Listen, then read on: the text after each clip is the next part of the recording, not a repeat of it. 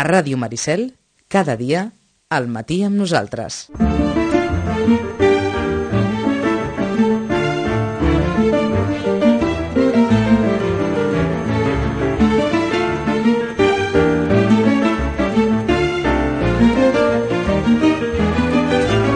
Onze i setze. Dimecres que ve no tindrem eh, programa i avancem el temps dels llibres, en aquest cas també, i, i ho canviem de dia. Massa carnaval pel mig, no, gairebé no ens permetia fer, fer un encaix també per aquells que, que vulguin aprofitar aquests dies en els quals no trobarem la Rosana. Primer ve el Carnaval, després ve la Quaresma, època més tranquil·la que segurament per més d'un també valdrà la pena eh, començar a ficar-se en la lectura d'un llibre. Tot això abans no arribi Sant Jordi. Cal tenim a la cantonada, només cal que facin compte enrere. Mm, dos mesos quedaran per Sant Jordi a partir de la setmana que ve i algunes de les novetats literàries que ja comencen a caure a les llibreries, de les que ens havia comentat la Rosana i de les que ben segur deuen haver arribat ja a hores d'ara. Rosana, bon dia, bona hora. Hola, molt bon dia. N'han arribat, eh? Mm, Bueno, moltíssimes, moltíssimes novetats i de fet eh, la darrera setmana de febrer és quan surten els premis de, que es van fallar la nit de Santa Llúcia. Eh? Mhm. El premi... El premi de Gaspar Hernández, em sembla que era. exacte, per exemple, eh, el silenci de Gaspar Hernández, el de Baulenes... Ah, això mateix. Eh? Mm, vaja, eh, sortiran també els de poesia... Eh? Sortiran quasi tots. Però bé, eh? I això, que, I això que en principi no és època, eh? Bé, sí, sí, sí és època. Sí que és època? Perquè per ells, eh, per ells l'època, perquè com que fa uns anys vam reivindicar que no podia ser que les coses sortissin tan, tan just a l'abril, Uh -huh. doncs van decidir que sí, que tenien raó, però tot té una cosa, eh? Ells sempre fan les coses, no pensem que els editors fan eh, les coses endavades, eh? Vull dir, eh, se celebra d'aquí uns dies eh, la Setmana del Llibre en català, que aquest any no es fa a Barcelona, sinó a Sant Cugat, i per tant ells aprofiten, i és la setmana que ells aprofiten, saps, per presentar ja tot el batalló de novetats de cara a Sant Jordi. Uh -huh. El tret de sortida. D'acord, o sigui que la, la setmana del llibre en català es fa Sant Cugat aquest any. Sí, és la, les últimes notícies que en tinc és que es fa Sant Cugat, no Mm. es fa a Barcelona. Vaja, S'està, si recordes, s'està intentant trobar un lloc sí. per fer això. Eh, es va fer darrerament a, a la plaça Catalunya, um, es va pensar que potser no era el lloc, etc i al final s'ha tret d'allà. Eh? Eh, si recordes, fa molts anys es feien les drassanes, les drassanes no semblava tampoc el lloc idoni, després hi va haver unes obres, després no sé què. La qüestió és que ha anat buscant un, una ubicació, un espai, i en tot això, doncs, evidentment, els llibreters pel mig també, Mhm. perquè moltes vegades s'aprofita això per fer doncs, presentacions de llibres, que vaja, reivindicar una setmana del llibre en català, quan estem tot l'any aquí reivindicant el- la, la, la setmana del llibre en català la Sí, llibreria, doncs, sí. doncs també, saps, és allò, una batalla de dir, bueno, escolta'm, què fem? Què, què és Mhm. a la setmana exactament? I, i, és estrany que, que Barcelona no hagi volgut en aquest sentit fer valer la capitalitat i l'hagi deixat d'anar d'aquesta manera, per això. Mm, sí, suposo que són masses actes que es fan, no? Llavors potser també queda una mica, no?, distorsionat tot. Uh -huh. Bé. És, uh, la veritat és que he llegit la notícia a través de, del Gremi, però tampoc, com que saps, no... Diguem-ne que ara no estic a la Junta del Gremi, tampoc no sé exactament com ha anat la cosa. d'acord, Eh? d'acord, d'acord. No sé com ha anat la cosa. Uh -huh. en, en qualsevol cas, hi haurà Setmana del Llibre en català, això sí, però qui, qui s'hi vulgui acostar haurà de marxar cap a, Cap a Sant Sant Cugat. Cugat, cap a Sant sí, Cugat. A tret llibre, Mònica Esgustova, ho diuen els diaris, es diu El jardí d'hivern, ja en parlarem en algun moment o altre, l'escriptora fincada de Sitges de fa, de fa tants anys, treu novel·la que és, eh, d'alguna forma, continuació de novel·la que ja havia editat, el que passa és que ara no recordo jo el nom me l'han dit a primera hora del matí, però avui tenim un matí d'aquells embolicat i no recordo ara el nom jo, de la novel·la anterior. El Jardí d'hivern és aquesta eh, darrera novel·la de, de Mònica Esgustova, eh, a punt de sortir també també al carrer, i en, en quant a la llista dels llibres més venuts, continua sent Stieg Larsson el protagonista principal amb els homes que no estimaven les dones. Exacte. Aquest, aquest és el protagonista. I després amb la noia que somiava un llumí, etc etc etc. Sí, sí, jo crec que entre ell i la Stephanie Meyer col·lapsen les llistes de, dels més venuts des de fa dies. Mhm. La veritat és que des de fa dies, però bé, S'hi ha afegit aquí la història que va mereixer premi de, en aquest cas, una periodista que tots vostès eh, coneixen, admiradora i, i gairebé eh, alter ego emocional de, de Terenci Moix i Manolo Vázquez Montalbán. Ens estem referint al llibre Esperadme, Esperadme en el cielo de Maruja Torres, editat per, per Destino, el reencontre en el paradís amb els escriptors Terenci Moix i Vázquez Montalbán. S'ha ficat en el número 5 de la llista de vendes de llibres en castellà. Sí, eh, ella ha sigut doncs, potser la, la cosa nova, no? perquè tret tot aquest, doncs, que els altres més o menys n'havien parlat, Mhm. mm -hmm. més o menys, eh? I sí, perquè de la... em sembla que també hi deu haver, suposo, la, la Siri Hasbet, Uh, estic... Llegía per a un americano, Sí. tant en català com en castellà. Uh -huh. Potser s'està venent més, la veritat és que en castellà més que en català, suposo que també... Doncs, doncs, jo, ve, doncs jo ho veig més venut en català que en castellà, eh, segons les llistes. En el número 4 a les llistes de ficció en català, elegia per un americà, en el número 9 a les llistes de ficció en castellà. I diuen que la pel·lícula és molt bona i apareix en les llistes dels llibres més venuts en català Revolutionary Road, de Richard Yates, editat per Proa, any 50, retrat d'un matrimoni que cerca trobar sentit a la seva vida. Eh, hem sentit molt bones coses de, de la pel·lícula i segurament paga la pena també, òbviament, anar a cercar la novel·la. Exacte, sí, sí, la veritat és que sí, sí s'està venent el llibre, perquè també és cert que, doncs, eh, així com en català, no, no, perquè no hi era el llibre editat i tal, o sigui, l'han editat motiu d'això, en castellà eh, han aprofitat i han fet una edició també en butxaca, Uh -huh. en la qual cosa, doncs, eh, bé, és allò de no pensar-s'ho gaire, dir, home, eh, me n'han parlat molt bé de la pel·lícula, doncs mira, llegirem el llibre, no?, o portarem com a mínim a butxaca per anar amunt i avall amb el tren. Doncs es veu que més d'un ho ha pensat, això, eh? Sí, sí, sí, suposo que sí. Eh? perquè ja us dèiem, el, el llibre en, el, en un dels, en el número 9 de la llista dels llibres més venuts en català, la pel·lícula de, de Leonardo DiCaprio i Kate Winslet, que, que diuen que està molt bé, per tant, tots aquells que es vulguin acostar al, a l'origen literari el poden trobar també a totes les llibreries. Mm, d'això, no sé si n'hi ha algun més no, no, no, no. Ara mirava, mirava, mirava, mirava i em sembla, em sembla que no en trobem... Eh, N'hem parlat mai de Tinc ganes de tu? De Federico Mochia? Uh, no, d'aquest títol en concret no. No. Hem parlat de, del primer que es va editar aquí, del Mòquia, uh, perquè sí que vam dir que era un fenomen a Itàlia. Aquest Sí. senyor, Eh, vam parlar de A 3 metres sobre el cel? Uh, perdona si et dic amor, em sembla que va Ah, ser. això el, mateix, El primer, sí. el primer que es va editar aquí... Aquell ser- llibre ambientat a Roma que va ser un èxit total de promoció? Ah, exactament, exacte, eh? I a 3 metres sobre el cel també, perquè es veia també aquell lletrero, eh? 3, eh, TS, 3 metres sobre el cel, em sembla que és TSC, no? Es Mhm. veia per tot arreu, també, Sí. eh? 3, 3 metres sobre el cel, no? I la veritat és que sí, que han sigut un èxit. I aquest no... A veure, ha estat un èxit també per tots aquells que um, d'alguna manera, eh? d'alguna manera el dia 14 de febrer volen dir alguna cosa amb algú, eh?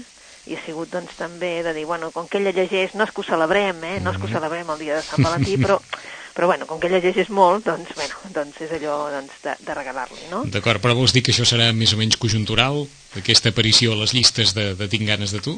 Jo diria que sí, en el Que sí. sentit de que el Mòquia és un autor que ven, però que, com que hi ha altres que col·lapsen llistes, potser sortirà més en català pel tema de, de números, no? O sigui, quan es ven en castellà, se'n venen més, la veritat, són més, més gent llegint en castellà, doncs um, les llistes en castellà de vegades no són ben bé igual que les de, les de català, però, però per nombres de- d'exemplars de, venuts, eh? Mhm. Però tinc ganes de tu, a més a més, s'ha de reconèixer que el títol és preciós, eh? Sí, Tinc ganes de tu. oh, i tant. sí, eh? Doncs Llavors, és, eh, doncs és, ens diuen, la segona part de 3 metres sobre el cel. Exacte, llavors també és això que, bé, no? això de la retrobada de, de dos personatges, no? de dos enamorats, doncs sempre és, és preciós el tema. Eh? Mhm. Després suposo que sí, que connecta amb un, amb un públic eh, evidentment molt més jove que jo i, clar, també doncs, són ganes de, de dir les coses a través d'un llibre. Eh? Doncs et proposem també un altre que apareix a la llista i que no sé no sé si l'havíem comentat, potser sí, eh? però Petons de diumenge, No, Petons No. de diumenge possiblement... Em sembla que sí que el vam... Sí, jo perdona, diria, sí, jo diria que sí, però, Sí, sí, però sí, no, no ho recordo massa, de Sílvia sí, Soler. Sí, sí, Petons de diumenge sí que el vam comentar. Ja m'han passat la, la llista dels més venuts de, de l'avantguàrdia Mhm. i jo crec que el que potser no havíem comentat era el Mendel el de los libros, no sé si l'havíem comentat. No l'havíem comentat. Pues això sí que és una joieta, Sí? és una joieta que és per prendre's. Ara se n'aneu al passeig, agafeu un llibre, un bon cafè, allà al passeig, prenent el solet, i és una delícia. Amb és un, una joieta... eh, amb un dia com el d'avui això és una temptació, eh, Rosana? Eh, que sí, vull dir, ho dic perquè tots, tant tu com jo que estem a dintre, eh, en un lloc tancat, etc etc. doncs és per aquells que puguin, no? Mhm. Sempre hi ha algú que pot, Home, eh? i tant que sí, algú i fa, molt, pot, eh? i fa molt ben fet d'aprofitar-ho. Exacte, De, si no, de moment, doncs bé, si no pot avui, doncs que busqui un... Vaja, és que clar, aquest cap de setmana no és potser el més adient per No. buscar una terrassa i prendre's Mhm. un cafè. Eh? Però No avui, avui a aquestes hores encara sí, eh? Sí, sí, sí. Eh, el llibre es diu Mendel, el de Mendel, los el libros. De los libros. És de l'Stefan Zweig. Uh, signant el Stefan Zweig, doncs tothom diu, vale, bona literatura. Mm? És molt, molt curtet. Per això us dic que prengueu un cafè. Eh? Ja no gaire cosa més. Vull dir, si penseu estar dinant, és curtet. És molt curtet i saps allò de, en, el bon, en el pot petit hi ha la bona confitura, que Mhm. diuen els catalans, doncs com diem, aquest, mm, aquesta dita doncs és aquí doblement excelsa. És a dir, eh, estem parlant de Viena, estem parlant de, de, després de la Primera Guerra, del 20, això va estar escrit el 29 més o menys, i és un, un senyor, el Mendel és un llibreter, un llibreter eh, de vell, per dir-ho d'alguna manera. Eh? És un llibreter que s'instal·la en un cafè i té la seva taula i allà hi té els llibres, catàlegs, llibres, etc. Cada dia va en el, des de bon matí, és a dir, tal com s'obre el cafè, ell a les 7 del matí es planta allà, viu en una pensió a prop d'allà i és com ell única i exclusivament viu pels llibres i dels llibres. Ell no necessita gaire, sempre va vestit igual, eh, és un personatge que és jueu, després ho sabem, resulta que ve de la part, diguéssim, de, de Rússia i ha anat a parar d'això. Uh, bé, es trastorna tot, eh? hi ha, diguéssim, uh, aquest sentit nacionalista, etc etc, fa que de cop i volta les coses canvien a Viena. I les coses canvien tant que un bon dia eh, ell doncs, no se n'adona i ell continua fent la mateixa vida que sempre. Les coses estan canviant al voltant i ell no se n'adona, de tal manera que un bon dia se n'adonen que ell ha gosat escriure, eh, perquè està subscrit a tots els catàlegs inimaginables, que, eh, perquè ell viu de catàlegs, de consultar, i és com una enciclopèdia, és a dir, tu li pots anar allà i dir, escolta, hi ha algú mm, que parli d'això, i ell et diu, espera't, i llavors ho busca en el seu, diguéssim, en el seu xip, eh? Uh, i llavors doncs, li diu tota una sèrie de llibres que podria, i li, li troba amb, amb, amb qualsevol que s'acosti a la seva taula, no? Aquesta era la seva feina.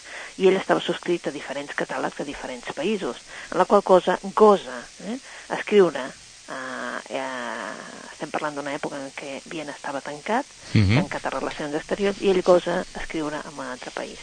Això li porta a la seva ruïna, perquè ell mai s'havia ocupat de ser ciutadà de Viena, mai s'havia ocupat de tenir papers en absolut, i gosa, evidentment, desafiar les autoritats tan senzillament dient com sí, i què? Soc rus, i què? Vostè no té cap paper? No.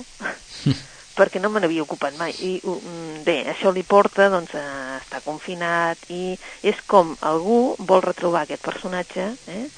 I de com la memòria ens fa això, o sigui, eh, el contacte amb els llibres, l'última frase és preciosa, el contacte amb els llibres, el fet de, de llegir els llibres ens salven doncs això, de la solitud i sobretot en aquest cas seria de la bogeria. Mm. Els llibres ens salven de la solitud i de la bogeria. Sí, eh? vull dir, més o menys, eh? Bé, dir això Mhm. mm no el tinc ara aquí sol. No, no passa res, però està clar que la frase t'ha quedat, eh? Eh, sí, sí, m'ha quedat, et salven de la solitud, i això és cert, et salven de la solitud, vull dir, tu vius tantes vides en un llibre que, sobretot si encertes el, el que, el que t'agradaria en aquell Mhm. moment o el que necessites llegir en aquell moment. O sigui que la llibretera ho comparteix, eh? I tant, i, I tant. tant. El que passa que, clar, a mi m'ha tocat especialment, vull dir, és un senyor que en compartir no podem compartir gaire, vull dir, ni Mhm. per època, ni per d'això, però sí que quan veieu el personatge, quan, quan llegiu, veureu el personatge està clarament definit amb tan pocs trets que dius, vaja, el Stefan Zweig era un mestre. Doncs els llibres ens salven de la solitud i de la bogeria. Sí. Mm. Si és algú... de la bogeria no ho diu, però això t'ho dic jo. Ah, i- entesos. Però és d'algun altre, però de la solitud, i d'on més em diu, no sé... D'alguna cosa més. Sí, sí, ah, i del, de l'oblit. De l'oblit. De l'oblit, Mhm. sí, de l'oblit. Mm, Sí. Doncs també ens val, també ens val, eh? També Aquells val, que, eh? que vulguin sobretot una lectura reposada, si volen esperar després de Carnaval quan vingui la Quaresma i el bon temps acompanyi, Mendel, el de los libros de Stephen Zweig, editat per Acantilado, Viena, inicis del segle XX, llibre és acusat de ser enemic de l'imperi austro-hongarès per això, per haver des de, des de l'inconsciència, haver escrit, haver demanat un catàleg a un país estranger, tot i ser un indocumentat. I això ho porta, diguem-ne, a una situació personal eh, que el posa contra les cordes i que permet moltes reflexions. La primera ens ha servit també, no només per assenyalar que és el nové a la llista de vendes en, en castellà, sinó seria la primera recomanació de la Rosana avui. Més. Més, doncs mira, n'hi ha una que tant l'editor en català com en castellà hi confia molt, i és la de la tendresa dels llops. Eh? Uh, la tendresa dels llops uh, de l'Steph Penny és un, un premi Costa 2006, a nosaltres en principi no ens diria res, però és que resulta que ha estat eh, bé, la, la primera novel·la d'una autora que les llibre, els llibreters de Nord-Amèrica eh, van decidir que era la millor obra que havien llegit. Eh? Amb la tendresa dels llops, eh, tant a Gran Bretanya com a Nord-Amèrica ha estat un èxit. Eh? Crec que, no, perdona, van ser els llibreters de Nord, eh, el Premi Costes dels llibreters de, no, de Gran Bretanya. Uh -huh. Estem parlant de Canadà, estem parlant del 1867, estem parlant d'un poblet que es diu Duff River, que és un poblet d'aquells que a l'hivern és veritat que no s'hi hauria ni de viure, eh? perquè és d'aquells eh, escenaris tan durs, tan durs en el sentit de que és un hivern rigorós, d'aquells que no ens podem imaginar el fred que hi fa. Eh? Doncs bé, en aquest escenari, que és un poblet que hi van anar els primers, eh, diguéssim, els primers canadencs a, a viure, en el sentit de tots aquells emigrats que van venir tant d'Irlanda com d'Anglaterra cap allà, doncs van ser els primers pobladors d'allà, en definitiva.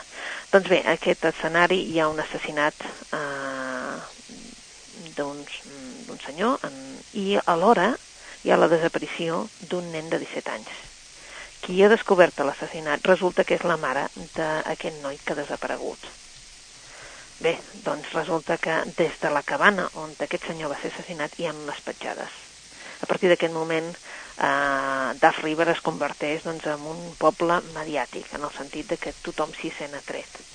Mm, des dels treballadors de la companyia de la badia de Hudson, els caçadors, els comerciants, eh, gent de tota mena, i va per veure què està passant, no? perquè ha sigut, doncs bé, d'alta baix, perquè a més a més no troben aquest noi de 17 anys que ha desaparegut. Uh, el que passa és que cadascú té motivacions molt diferents. Uns volen resoldre el crim, uns altres en volen treure profit i hi ha tot un grup d'habitants del poble i nouvinguts que emprenen una recerca, una recerca cap, cap al nord buscant aquest presumpte, o bé a noi que en principi seria innocent, però que en definitiva doncs el culpen de que potser ha sigut ell qui ha matat a, aquesta persona. Segueixen les petjades, aquestes misterioses petjades envoltats, evidentment, per un paisatge, un paisatge duríssim, un paisatge desolador, eh, poblat doncs, de fugitius, de bojos, de feres salvatges, eh? eh aquests que busquen l'assassí doncs eh, saben quin motiu tenen, però n'hi ha altres que busquen germanes perdudes fa 17 anys, alguns fins i tot hi busquen doncs, la rastre d'una tribu oblidada de nadius americans. En definitiva, els que pateixen de debò és aquesta dona, aquesta dona que sense saber-ho ha començat el viatge més important de la seva vida.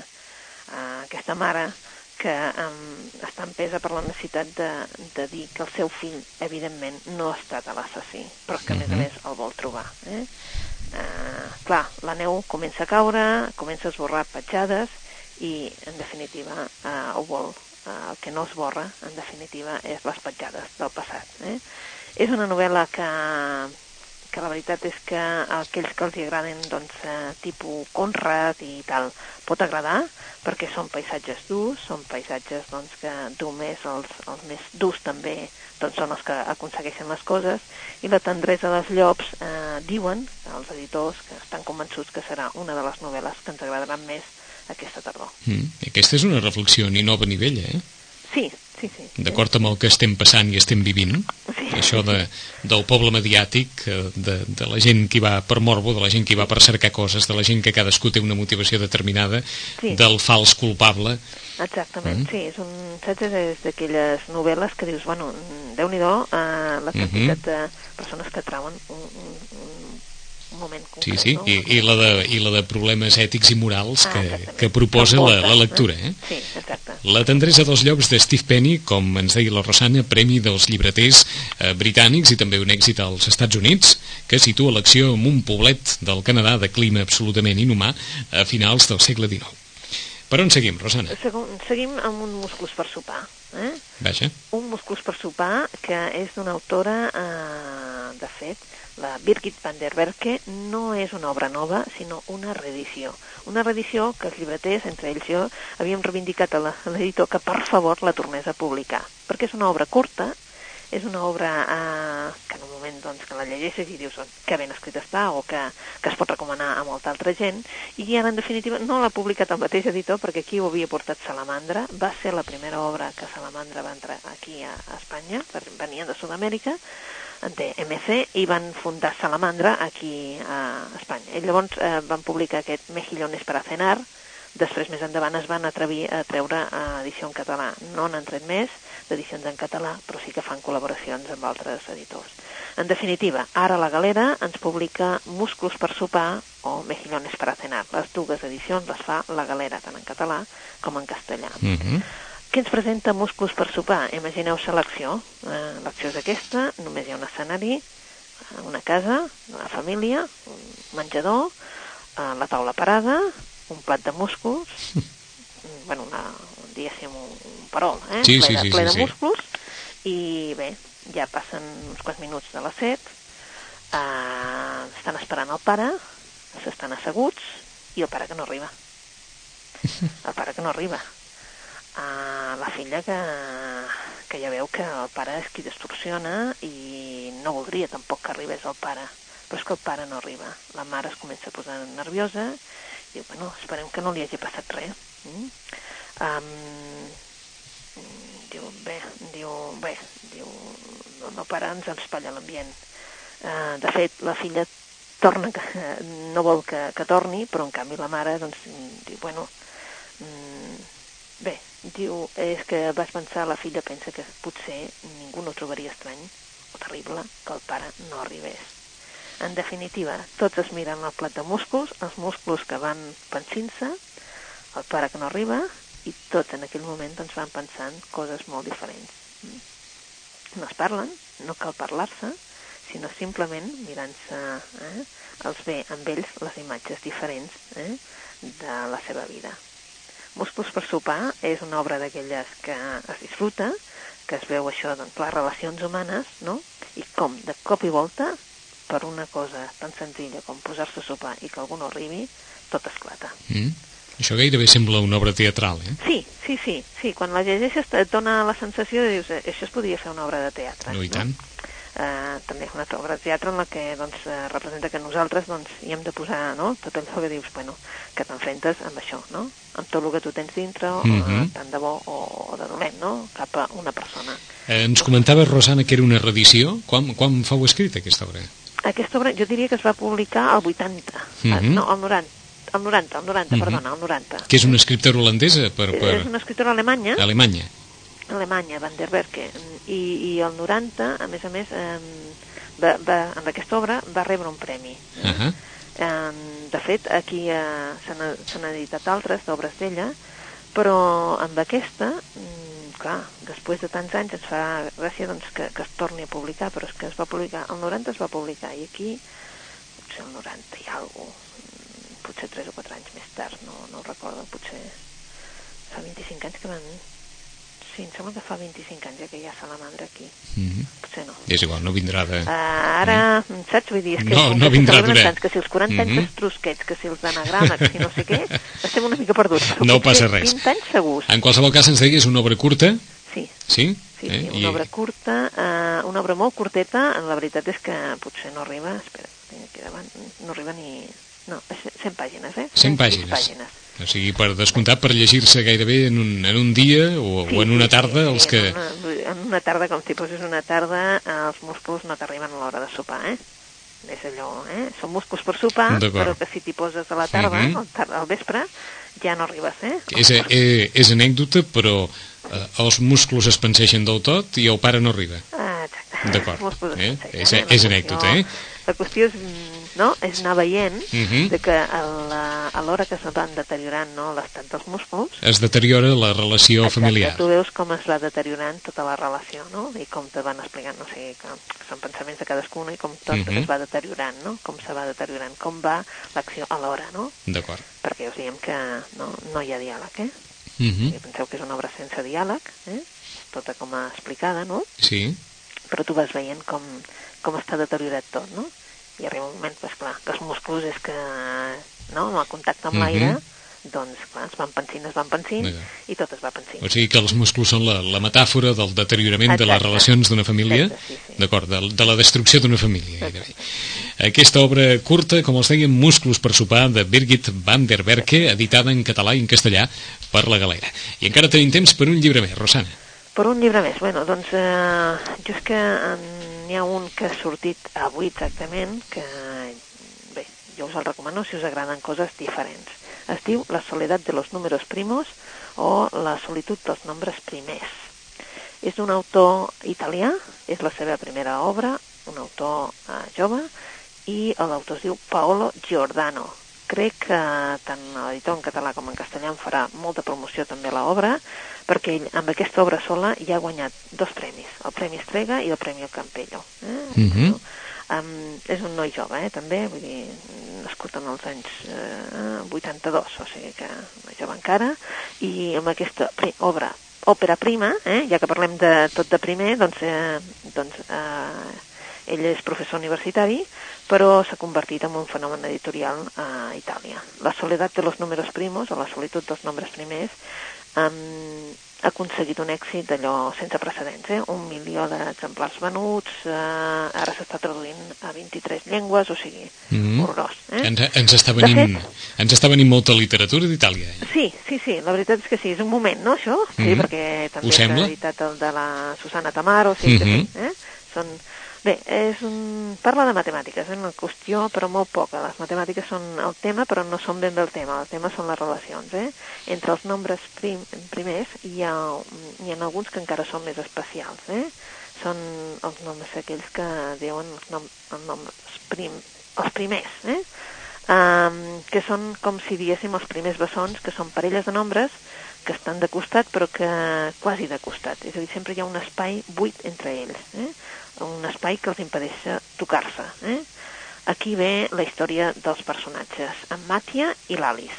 L'Alice és la que inicia el relat de, de la novel·la, és una noia mm, que no, està complint els desitjos del pare, amb ella esquiar no és el que més li agrada, però és que el pare s'ha empenyat en que sigui un as de l'esquí.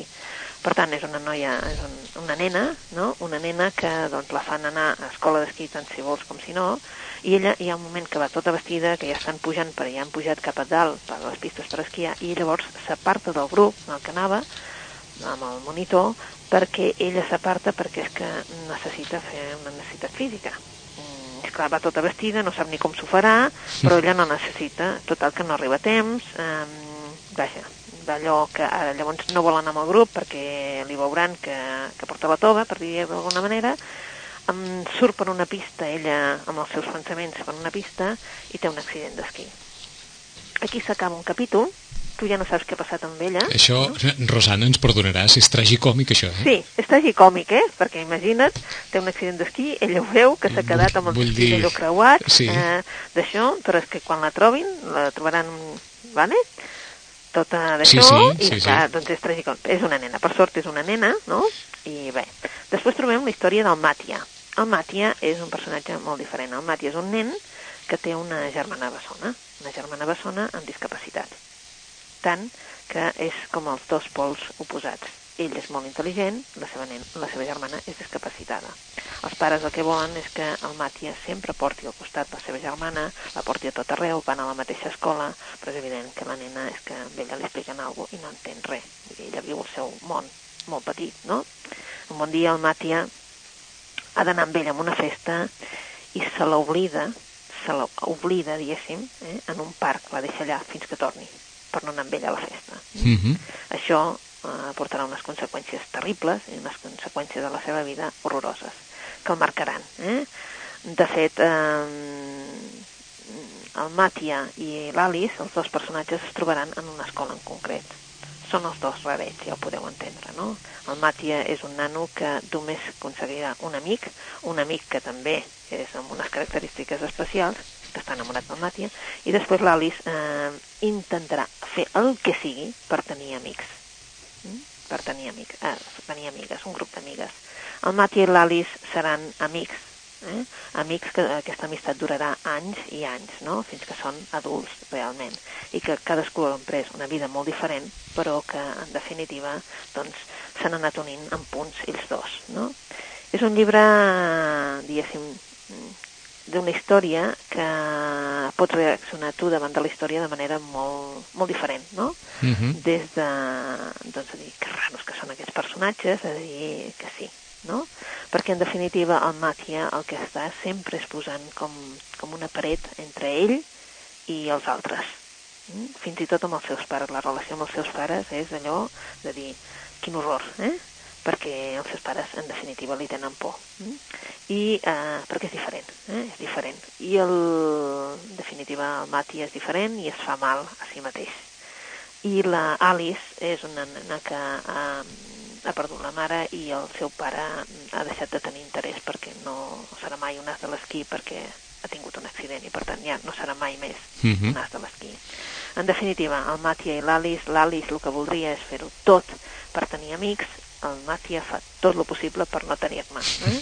I ells dos sí seran amics, una relació, evidentment, que de dues persones diferents només pot sortir una relació que tu diries que és diferent a les altres, Mhm. però que en definitiva la solitud dels nombres primers ens presenta això, no? Aquests personatges que són diferents, que estan en la societat i de com reaccionen davant de diferents coses que els hi passen. Mhm. Un altre assaig sobre la condició humana, eh? Sí, i també de com ens enfrontem a la solitud. Sí, sí, plegats, i tant. Eh, doncs eh, avui ha més d'un llibre, eh, en aquest Sí, cas, que que, no que ho proposa. per eh? l'època que tenim, no? Sí. pas adient, però bé, proposem coses eh, Mhm. per després, no? Ah, això mateix. Per la quaresma, ja. Coses eh? per, per pensar-hi, Ah, eh? exacte, ja, ja per, per anar, anar tirant la quaresma.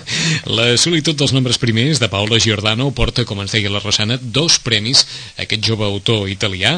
El llibre acaba d'arribar avui, per tant, qui vulgui també una, una lectura per, per reflexionar-hi, la pot trobar en aquest llibre. La solitud dels nombres primers ha estat un dels que ens ha recomanat la Rosana, també Músculs per sopar, aquesta història eh, d'una família que per dir-ho d'alguna manera, es va destruint en la mesura que també es va pensint un enorme vol de, de músculs que esperen al cap de família per sopar, novel·la de Birgit van der Berke.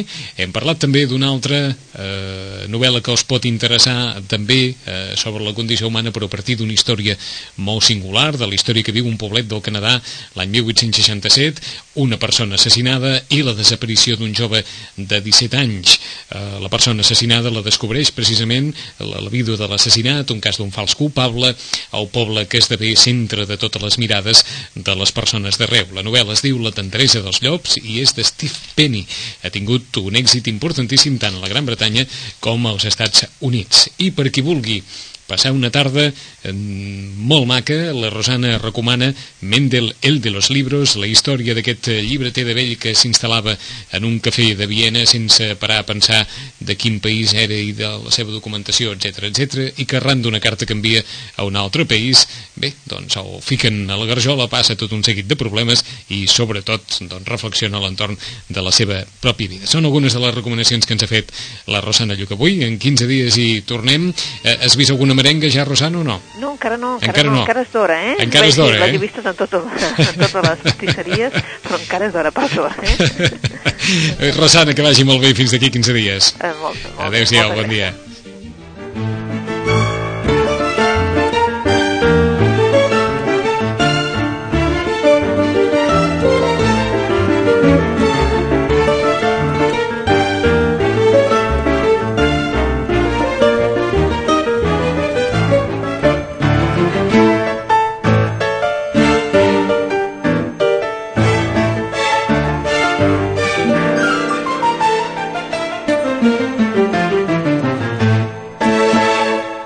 Ràdio Maricel, 107.8 FM.